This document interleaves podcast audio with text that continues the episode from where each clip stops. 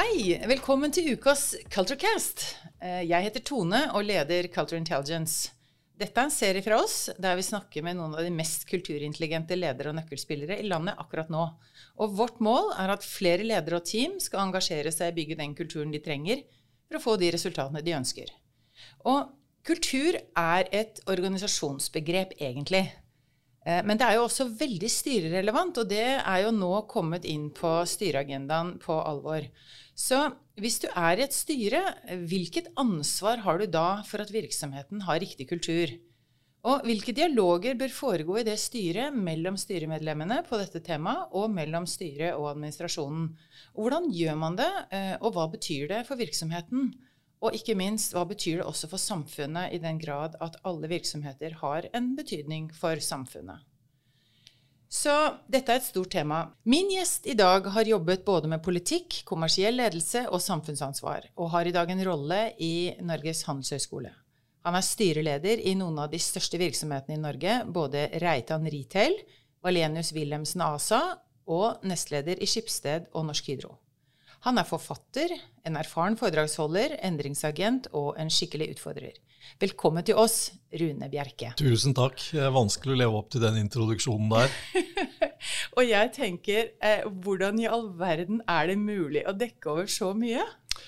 Når man er pensjonist, sånn som jeg er, eh, var heldig å kunne gå av når jeg var 60 år, da velger man selv hvordan man skal bruke tiden sin. Og jeg fant ut ganske fort, jeg har en aktiv kone som er i eh, en svært krevende lederjobb og jobber hardt og mye, at eh, hvis det ikke ble en form for balanse i livet hennes og livet mitt, så ble samlivet mer komplisert. Og det betød at jeg etter hvert tok på meg mer og mer og mer. Eh, og i dag føler jeg at eh, kalenderen er rimelig full. Eh, så full at eh, jeg vil hevde det er ganske god balanse i måten vi bruker tiden vår på i vårt hjem. Det var en skikkelig spennende svar. Litt sånn konedrevet. Det, det har jeg lyst til å ha en egen podkast om. Ja, jeg fikk klar beskjed om at ikke det var noen framtid for meg å henge og slenge i hjemmet. Ok, greit med klare og tydelige budskap. Det er jeg også tilhenger av. Men du, også har du da også valgt uh, mer ansvar, uh, mye mer ansvar enn uh, de fleste som da liker å ta det mer med ro og ha ferie og sånn. Men er det noe rød tråd i det du har valgt? Nei, jeg vil egentlig si at det er eh, ganske ulike tråder eh, som jeg har satset på. Og det henger også sammen med at jeg liker å jobbe bredt. Eh, jeg er nysgjerrig og syns det å ha flere virksomheter, bransjer og oppgaver å forholde seg til, det gjør at hverdagen blir mer spennende. Og eksempel så er styrevervene mine er i fem forskjellige industrier. Og jeg vil hevde også at det engasjementet jeg har på Handelshøyskolen, da, som gjør at jeg kommer tett på professorer og studenter og personer som tar styreprogrammer og executive-programmer osv., det gjør at jeg klarer å holde, holde, meg litt mer oppdatert enn jeg ellers ville gjort. Mm. For når du passerer en viss alder, så må du legge inn en, en hard egeninnsats for å ikke sakke akterut. Mm. Leser du ting da hjemme? Bare sånn for å lese deg opp på noe, eller får du det ut av de rollene du har? Jeg leser, jeg hører podkaster, men først og fremst så snakker jeg med folk. Og det er i møte med mennesker eh, at man lærer mest. Det har alltid vært noe som jeg har opplevd når jeg har vært yrkesaktiv, så vel som når jeg var student. Mm. Og Det er den der interaksjonen der som jeg syns er spennende også. Og vi blir faktisk smartere jo mer komplekse problemstillinger vi er i jo flere folk vil lære av. Det, det vet vi fra forskningen. Så det, det, er jo utrolig interessant at du da gjør det. Men du, av de store jobbene som du har hatt, um, hva er det som har vært mest spennende og, og avhengig av kultur? Hvordan, hvordan, kan vi klare å koble opp alt det du har gjort, og sette kultur inn i en slags eh, ramme for det? Hva, hva tenker du om det? Jeg, må, altså jeg, har, jeg har vært veldig privilegert i forhold til de rollene jeg har fått lov å, å, påta meg. Men eh, jeg kan ikke nekte for at den mest spennende rollen jeg har hatt, det var rollen som sjef i DNB. Ja. Og den reisen som jeg da var så heldig å få være med på sammen med de ansatte og styret, det, det var en reise som da eh, beveget seg fra å være liksom en lederjobb i et finansielt holdingselskap med åtte forskjellige merkevarer, åtte forskjellige ulike kulturer, målbilder, eh, underkulturer. Eh, og det å da få smeltet disse enhetene sammen og lagd eh, ett sett av verdier, én eh, eh, overordnet ambisjon for oss alle, eh, noen kjøreregler som skulle være felles, og ikke minst en følelse av at alle ville hverandre vel og jobbet for de samme målene det er, det er, ikke noe som skjer eh, over en uke eller et år. Eh, det er en lang og tøff jobb for alle som er involvert. Men når du ser at du beveger deg i den retningen, så ser du også vanvittig mye mer kraft komme fram i en organisasjon. Mm. Det tror jeg første gang jeg fikk øye på deg. For da tenkte jeg han her, han snakker om det som jeg både jobber med, men jeg har veldig lyst til å jobbe mer med. Og da tror jeg jeg var i Dynamo eller var kanskje begynt som konsulent. Um, og, og, da fulgte jeg så godt med. Så jeg har liksom hatt deg på radaren lenge og tenkte at nå må jeg lære hvordan dette skjer i et stort uh, industrikonsern, uh, ikke bare i shipping, hvor jeg hadde jobbet med det tidligere. Så, så hvis du liksom tar det du sa nå, uh, hva var de største utfordringene for å få det til? For du fikk det jo utvilsomt til. Ja, det viktigste var det var å først få én merkevare for alle sammen. Eh, som eh, de ansatte faktisk kunne identifisere seg med og bli glad i, og etter hvert bli stolt av. Og når du har én merkevare, så må du også utvikle ett sett av verdier. Eh, du må utvikle et, et målbilde, og du må utvikle en struktur da, som gjør da, at man jobber mer på tvers. Og eh, i starten så var det jo egentlig sånn at folk var fornøyd med de eh, merkevarene de jobbet under. Eh, altså, tenk deg Postsparebanken, Nordlandsbanken, Vital. Det er, det er, langt sprang for de ansatte da som har, har, sin identitet knyttet til den type merkevarer, og føler liksom en glød og lyst til å jobbe for, for DNB. Og det, det, er, det, er, en lang reise, men det er mange måter man eh, kan eh, utvikle tiltak underveis på. Og vi var heldige med mye av det vi gjorde. Eh, og jeg tror også det kanskje ble lettere å trekke alt dette sammen, fordi eh, vi gjennomlevde en krise. Altså finanskrisen. Eh, det gjorde at jeg tror nok folk var mye mer utrygge i etterkant av den krisen. Og det gjorde også at man ble mer enige om at endring var noe som kanskje var bra for å bygge en mer robust grunnmur. Ja, Det er interessant, for det stemmer jo med Cotters Sense of Urgency. Altså det, var en, det var allerede en litt sånn burning plattform. Det er, van, det er eh, vanskeligere ja. å endre i stille farvann ja. enn det er å endre under eller i etterkant av en krise. Ja. Det er helt klart. Ja. Men jeg vil litt inn i den, den, jobben, for dette er jo essensen i kulturarbeid. Det å få folk til å forstå og bli med på at du faktisk skal endre litt sånn identiteten deres. Du, mm. du går jo inn i verdiene til folk og sier nå vil vi at du prioriterer verdiene i det, denne nye banken, eller denne fornyelsen av banken, eh, og, og går vekk fra liksom der du har vært. Var du med på, på, de møtene, eller hadde du et fantastisk HR-team som gjorde det? Eller hvor, hvor, hvor, var du hen da de diskusjonene Altså, det, er alltid viktig å ha gode HR-team ja. og gode HR-ledere, men hvis de ikke integreres i butikken, mm. og hvis de ikke liksom jobber tett sammen med linjen, så har de veldig vanskelig for å lykkes eh, mm. alene. Og en av de tingene som var en sånn eh, øyeåpner for meg, var jo at vi hadde et uh, topplederprogram da, underveis her, hvor vi alle skulle jobbe for, for den samme merkevaren og, og, og, det samme målbildet. Og uh, da gjorde vi en kulturkartlegging uh, på IMD, hvor dette topplederprogrammet foregikk. Og vi hadde ca. 30 ledere i flere omganger, kanskje seks-sju omganger gjennom det programmet. Og den kulturkartleggingen som vi gjorde aller først, den viste at det ikke sto så veldig godt til. Mm. Og da å utvikle en felles virkelighetsforståelse rundt at her er det faktisk mye å gjøre. Mm. Eh, og hvis alle får den følelsen av eh, å ha behov for å gå i en uh, ny retning, og man gjør det eh, sammen med styret, og styret, styre er bevisst liksom, på hvilke utfordringer organisasjonen har, da er det lettere å trekke i flokk. Mm.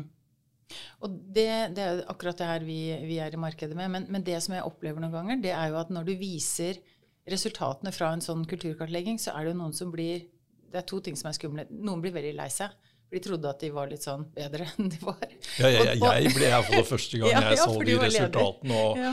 en av de som var ledere i, i, i HR-organisasjonen, viste meg det resultatet. Så hadde jeg liksom I vår organisasjon så er man vel ikke så langt bak på de og de områdene. Jeg følte, liksom, jeg følte at dette rammer jo meg som leder også. Ja. Eh, men hvis man da går i skyttergraven eller i en forsvarsposisjon, da, da blir det jo ikke gjennomført endringer. Sånn at uh, man må, må, liksom svelge den, eh, svelge den litt sånn sårede stoltheten. At man kanskje ikke er helt der man trodde man var, eller eh, hadde ambisjoner om å, å, å være. Og da, hvis man, hvis man heller da jobber for å endre, for å forbedre, da, er jo, da er det jo mye lettere å bli fornøyd og begeistret i ettertid. Ja. Det her, eh, Tarune, det her er faktisk essensen i budskapet ut til alle landets ledere og styreledere. Fordi hvis du detter ned i sånn derre 'det kan da umulig stemme', eller 'det er kanskje ikke helt riktig', du angriper metoden eller dataen eller noe sånt. Men det du sier nå, altså ledere som stepper inn i det og sier 'ok, det er, det er her vi er', eh, og nå begynner vi reisen vår. Da får du det jo til. Ja, altså det er i hvert fall lettere å få det til. Eh, og det er, jeg tror det er viktig også å, å åpne opp for, eh, for egne svakheter. Og da tenker jeg ikke personlige svakheter, men jeg tenkte svakheter i organisasjonen. Og ved å blottlegge da de svakhetene som er, så er det jo mye lettere å jobbe med endring og forbedring. da. Og, og eh, det som var typisk, som var læringen i, i den første runden, det var jo at det var veldig lite samarbeid på tvers. Det var, siloene levde sine egne liv, selv om man hadde fått etter hvert én merkevare. Så var det, det, var ikke, det var ikke sånn at man fikk utnyttet kompetansen, arbeidskapasiteten og kreativiteten på tvers. Da. Og det er først liksom når du, når du får mulighet til å etablere tverrfaglige team, tverrfaglige prosjekter, at du får eierskap på tvers av siloer og forretningsområdegrenser til eh, produktutvikling, nyvinninger eller til uh, suksesshistorier. Det er, da, uh, det er da man blir stolt av hverandre. Eh, og det tror jeg, tror jeg er veldig viktig for å, for å bygge kultur. Da. Dette er det temaet som er vanskeligst for ledere nå i dag, når vi kartlegger. Så er det dette de som regel, og særlig etter pandemien. Altså pandemien har rokka rundt med skikkelig mye av det gode som var i, i bedriftene. Det har forsterka siloen, dette har vi data på, så det vet vi. Eh, og har litt sånn tatt ned viljen og evnen til å jobbe på, på tvers. Så vi er egentlig satt litt tilbake i forhold til akkurat det temaet som du sier. Ja, og derfor tror jeg etter pandemien, og det, det ser man jo at man har, uh, har, behov, har, behov for å restarte litt. Ja. Uh, og, og det er ikke bare å gå tilbake til 2019 og trekke en linje videre derfra. Det er på sett og vis slik at man i mange situasjoner og tilfeller må begynne helt forfra. Ja.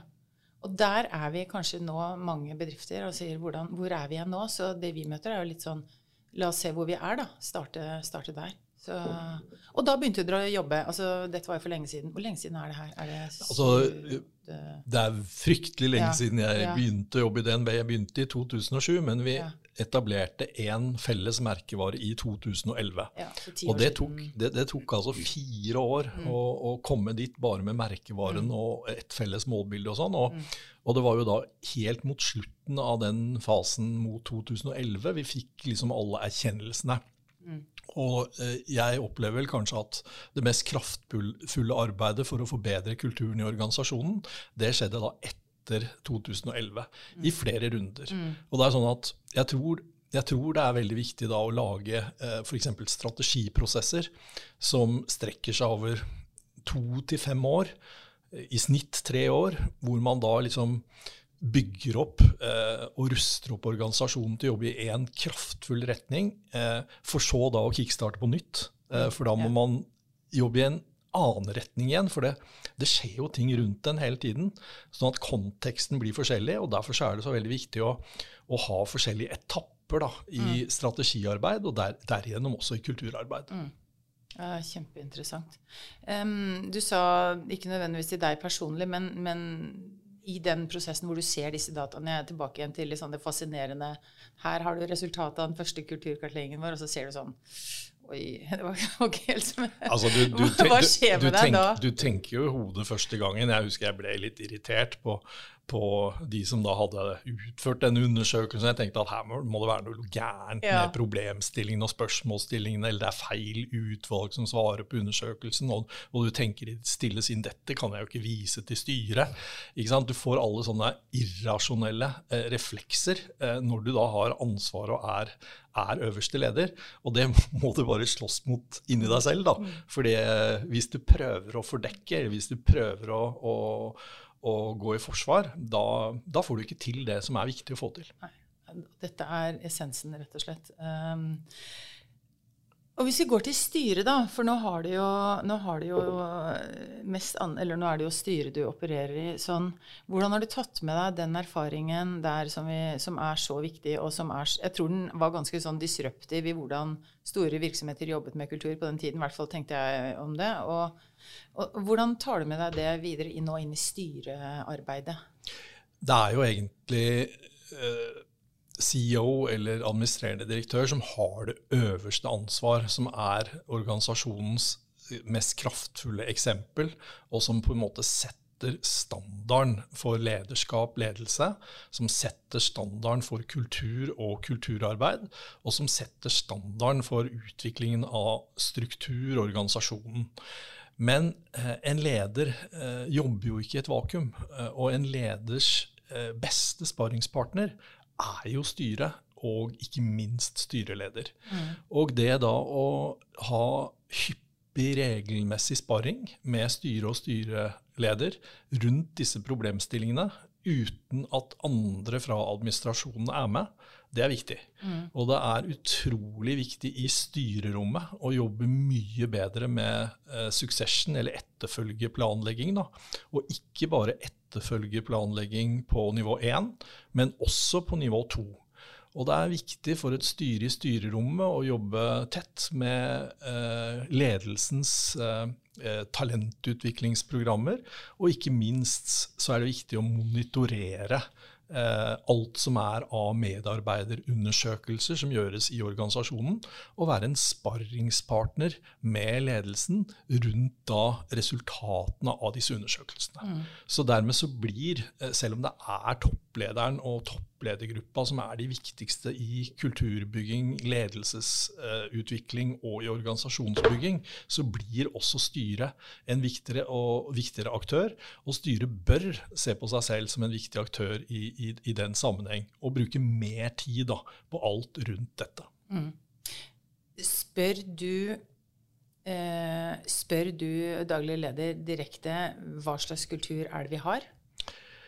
Her er det jo ulike problemstillinger. Når du ansetter en toppsjef, så er det klart du diskuterer eh, kulturen i virksomheten før du ansetter mm. med vedkommende kandidat eller de kandidater du har. Og det er veldig viktig da at du som eh, leder av et ansettelsesutvalg eller medlem av et ansettelsesutvalg bruker mye tid på å diskutere verdiene til denne mm. eh, kandidaten til topplederskapet. Du diskuterer liksom synet på eh, behovet for endringer og kulturelle endringer. Og du eh, er selvfølgelig med da på å eh, gi et virkelighetsbilde av hvordan det står til i organisasjonen til de nye som kommer inn, eller den nye som kommer inn. Men du er også med på å velge da, en retning eh, gjennom en ansettelse. Mm. Så det er liksom én type av prosessen som, som, du har som styre eller styreleder, at liksom ved selve ansettelsen. Men etter at vedkommende er ansatt, eller etter at du kommer inn i et styre hvor det er en toppsjef på plass, så er det jo bare veldig viktig da å ha dialog. Rundt da ståstedet, mm. og også hvordan eh, topplederen tenker rundt behovet for endringer, og hvordan det jobbes med endringer. Mm. Men her er det viktig også å dele ansvaret. Det er topplederen som mm. er ansvarlig for ve og vel mm. eh, i eh, organisasjonen. Mm. Men topplederen og styret, særlig styreleder, bør ha en eh, sparring rundt det som er utfordringer og eh, endringsbehov. Og, jeg har jo tenkt mange ganger at uh, det burde være en, en, sånn bestilling, egentlig, fra styret til daglig leder og si vis, vis oss uh, hva slags kultur det er dere har. Altså ikke, kom vekk fra den synsingen og, og, og troingen og liksom gut-feelingen og magefølelsen og alt det der som Men, men, gi meg noe data, ville vært en god melding fra styret til daglig leder. Få noe data på hva slags kultur vi faktisk har. For hvis du, Litt sånn tilbake til din DNB-erfaring. da, Når du får disse dataene, så begynner jo ting å settes i system og begynner å ta fart. Forhåpentligvis. Eh, så, så det, men det gjør du ikke? Jo da, altså her det. er det jo veldig mye data som etter ja. hvert begynner å komme inn i styrerommet. Og ja. ettersom bevisstheten rundt uh, mangfold uh, eksempelvis da, eksempel, ja. har endret seg kraftig de fem-ti siste årene, mm. så diskuterer man jo uh, hvordan man ligger an. både i forhold til konkurrenter, i forhold til hvordan man burde ligge.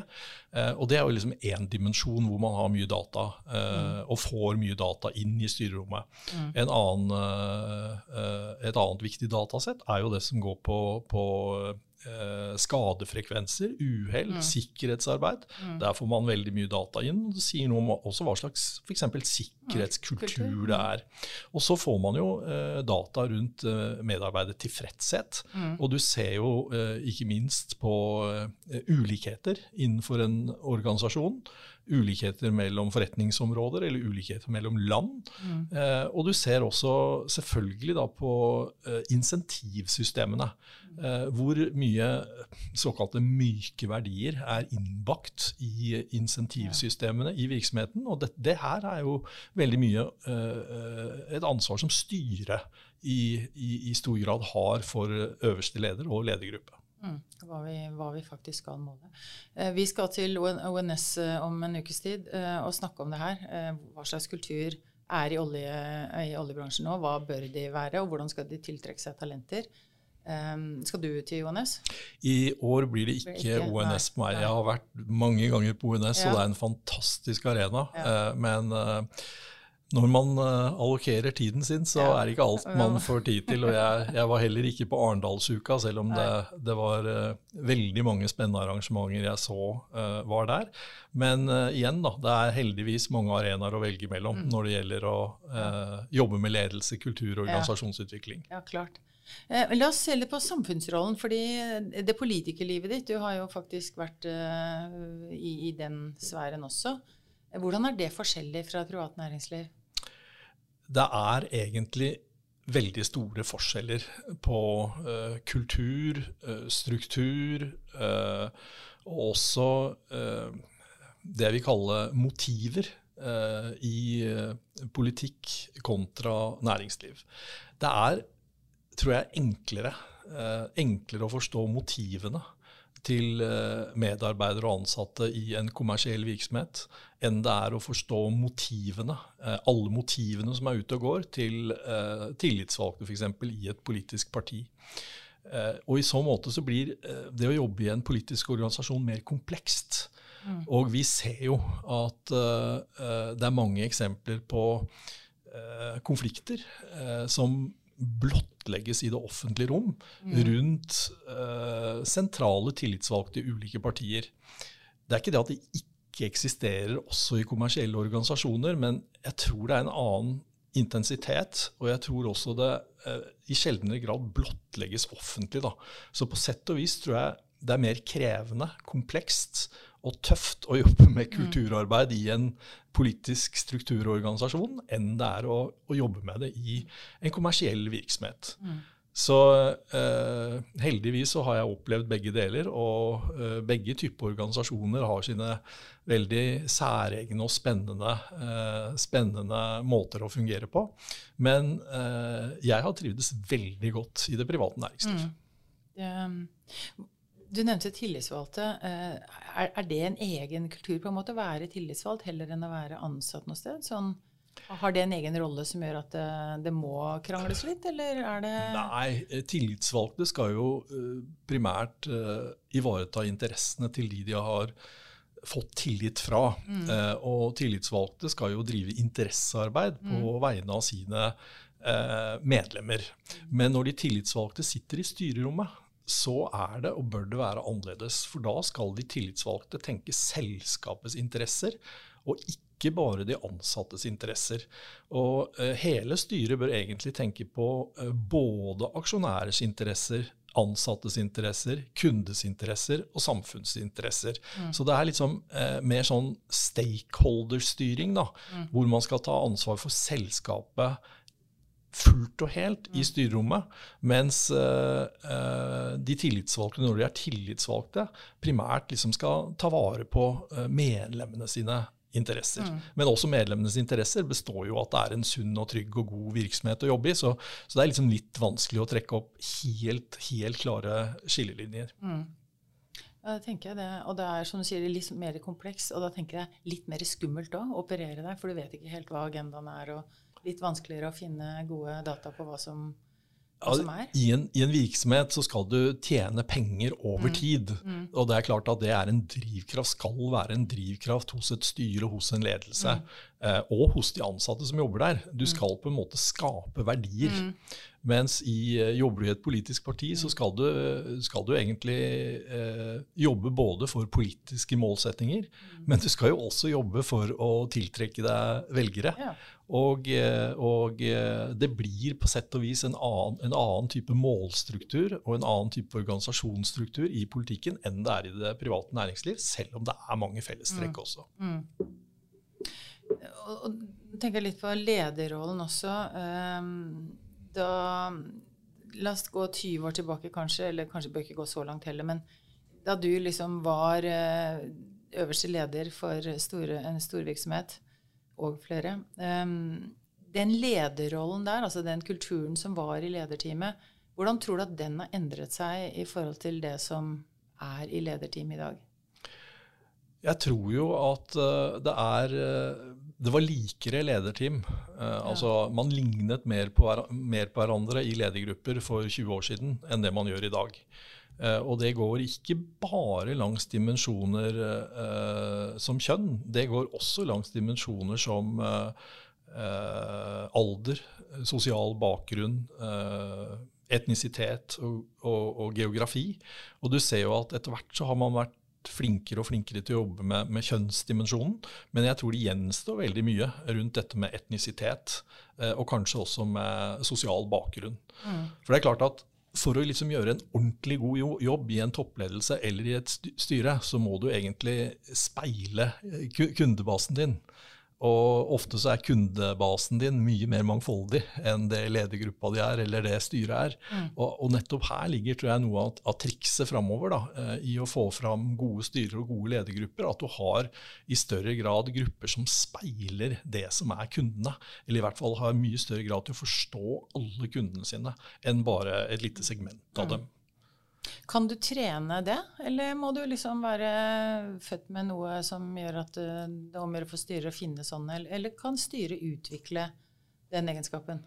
Du kan alltid trene på egenskaper og utvikle egenskaper, men det er klart at noen ting som er erfart eh, fra du var barn av, det kan du ikke erfare på nytt eh, når du er voksen.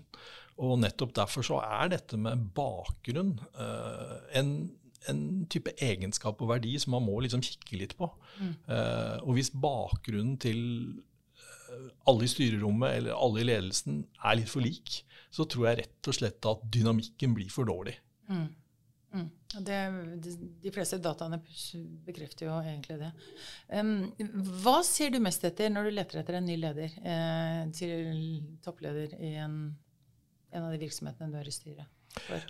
Så alle organisasjoner er ulike og har mm. liksom litt forskjellige behov. Eh, og eh, noen, noen, organis noen, organisasjoner eller virksomheter har eh, bare sluttkunder i massemarkedet, mens andre organisasjoner har bare sluttkunder i storbedriftsmarked eller i offentlig sektor. Og, og Derfor så må du liksom alltid kikke etter ulike typer egenskaper men når du kikker, kikker, etter en leder og lederprofil. Men det er to ting som, som, som, som jeg alltid må vite er på plass. Eh, og Det ene er liksom dette med passion, eh, eller lidenskap. Og, og i det så, så ligger det at du liksom må brenne for liksom det du skal inn i, eller det du skal mm. jobbe med. At du har et engasjement. Da. Jeg tror engasjementsfaktoren mm. er utrolig viktig. Og så er det andre dette med eh, ekte nysgjerrighet. Altså du, du, du, må være så nysgjerrig at du ordentlig bryr deg om dine medarbeidere. Eh, at du bryr deg om eh, kundene dine. At du prøver å forstå hvordan de tenker. Eh, og i det med nysgjerrighet så ligger det liksom både nysgjerrighet til å utvikle nye tjenester og produkter, men det ligger også nysgjerrighet knyttet til dette med å være nysgjerrig på menneskene. Mm. Altså dette, dette, med empatiske trekk. da. Så hvis du ikke har liksom noe eh, passion og heller ikke har noen nysgjerrighet og utstråler det, så er du ikke akkurat min ledertype. Din favoritt? Selv om jeg er kjempeflink?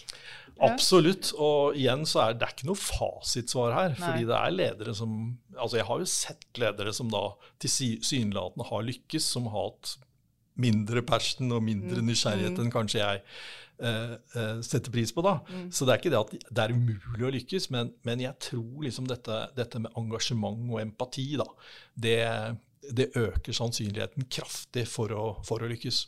Det er jo, Vi har gjort en uh, morsom studie i sommer. Vi har kartlagt uh, talentene, altså graduate culture. De som er ferdig med masteren sin og skal inn i arbeidslivet nå. Så vi vet litt om den kulturen. Og passion er faktisk verdi nummer to Eh, i, av de 100 som det går an å kartlegge for den gruppen. Og det er også jeg tror det er verdi nummer tre eller fire i startup-miljøet.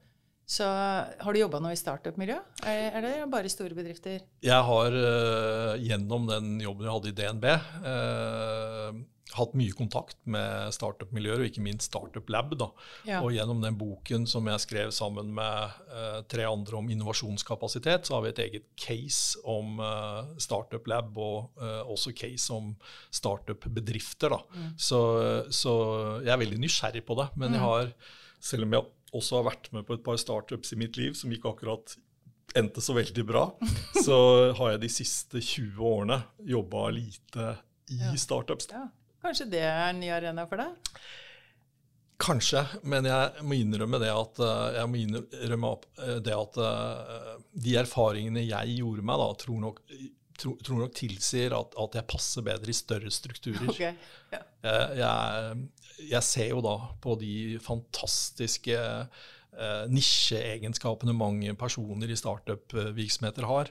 Og jeg tror ikke jeg er liksom så eh, dypt inn i en nisje. At jeg liksom har, har, egenskaper som akkurat passer godt da, i en startup-virksomhet. Men jeg kan jobbe med mm. personer som mm. jobber i startup-bedrifter. Mm. Det syns jeg er spennende. Mm. For de har også sikkert uh, nytte av å snakke med en som har jobbet i store strukturer. Jeg tenker Den dynamikken der mellom du sier, tverrfagligheten Eh, jeg kan noe, du kan noe annet. til å finne ut av hvordan dette kan, eh, dette kan brukes i, et samarbeid. Så det er det. Og alle de virksomhetene hvert fall som vi er i nå, de er i en eller annen form for komplekse samarbeid.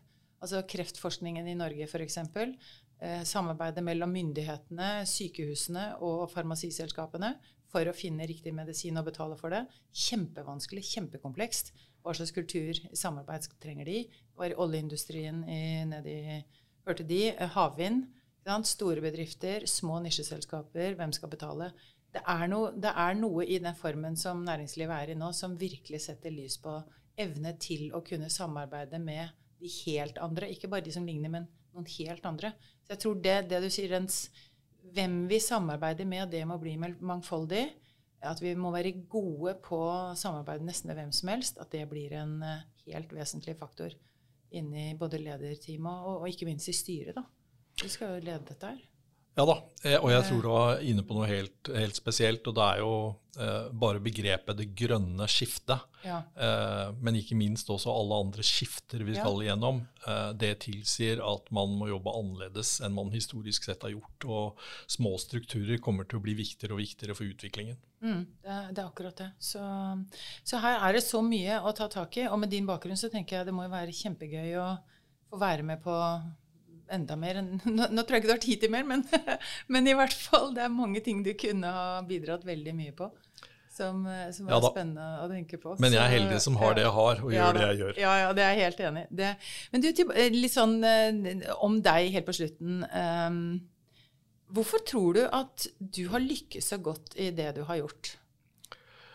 Det, det er ikke så lett å, å, å svare på, på, det, men uh, det ville vært uh, det ville vært uh, veldig feigt å ikke si at jeg også har hatt en, en stor porsjon med flaks.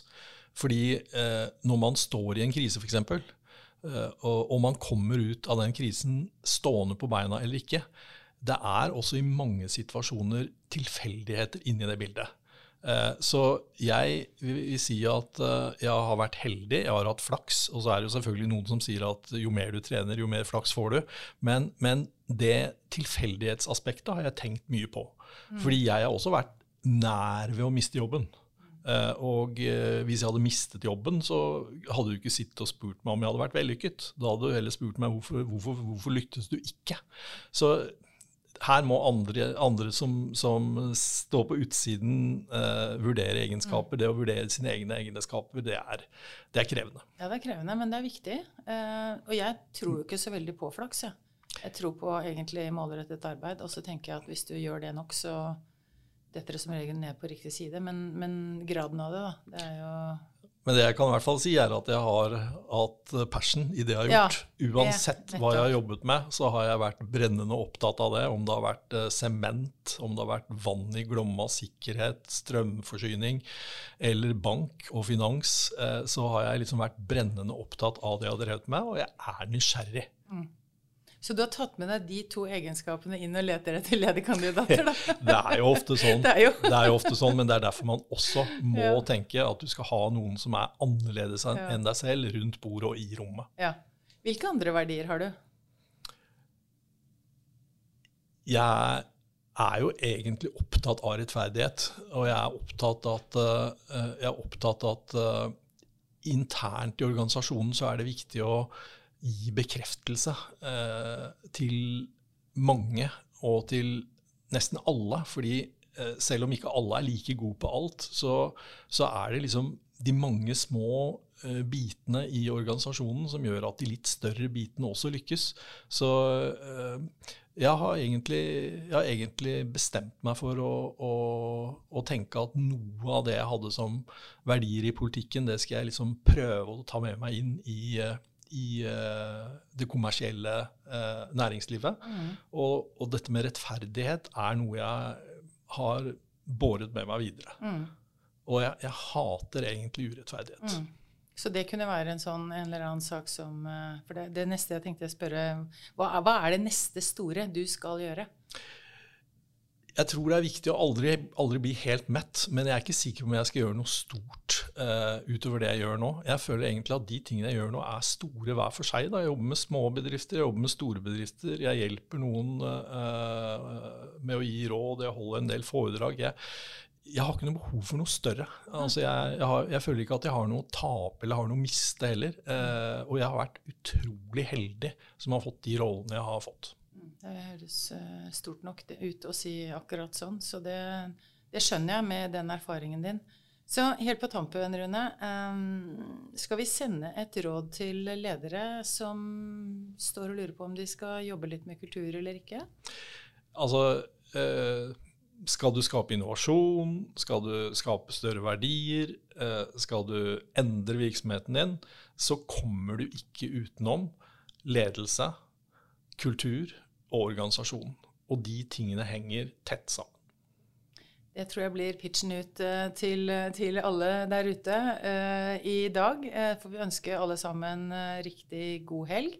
Tusen hjertelig takk til deg, og masse lykke til med alt det store som du faktisk gjør.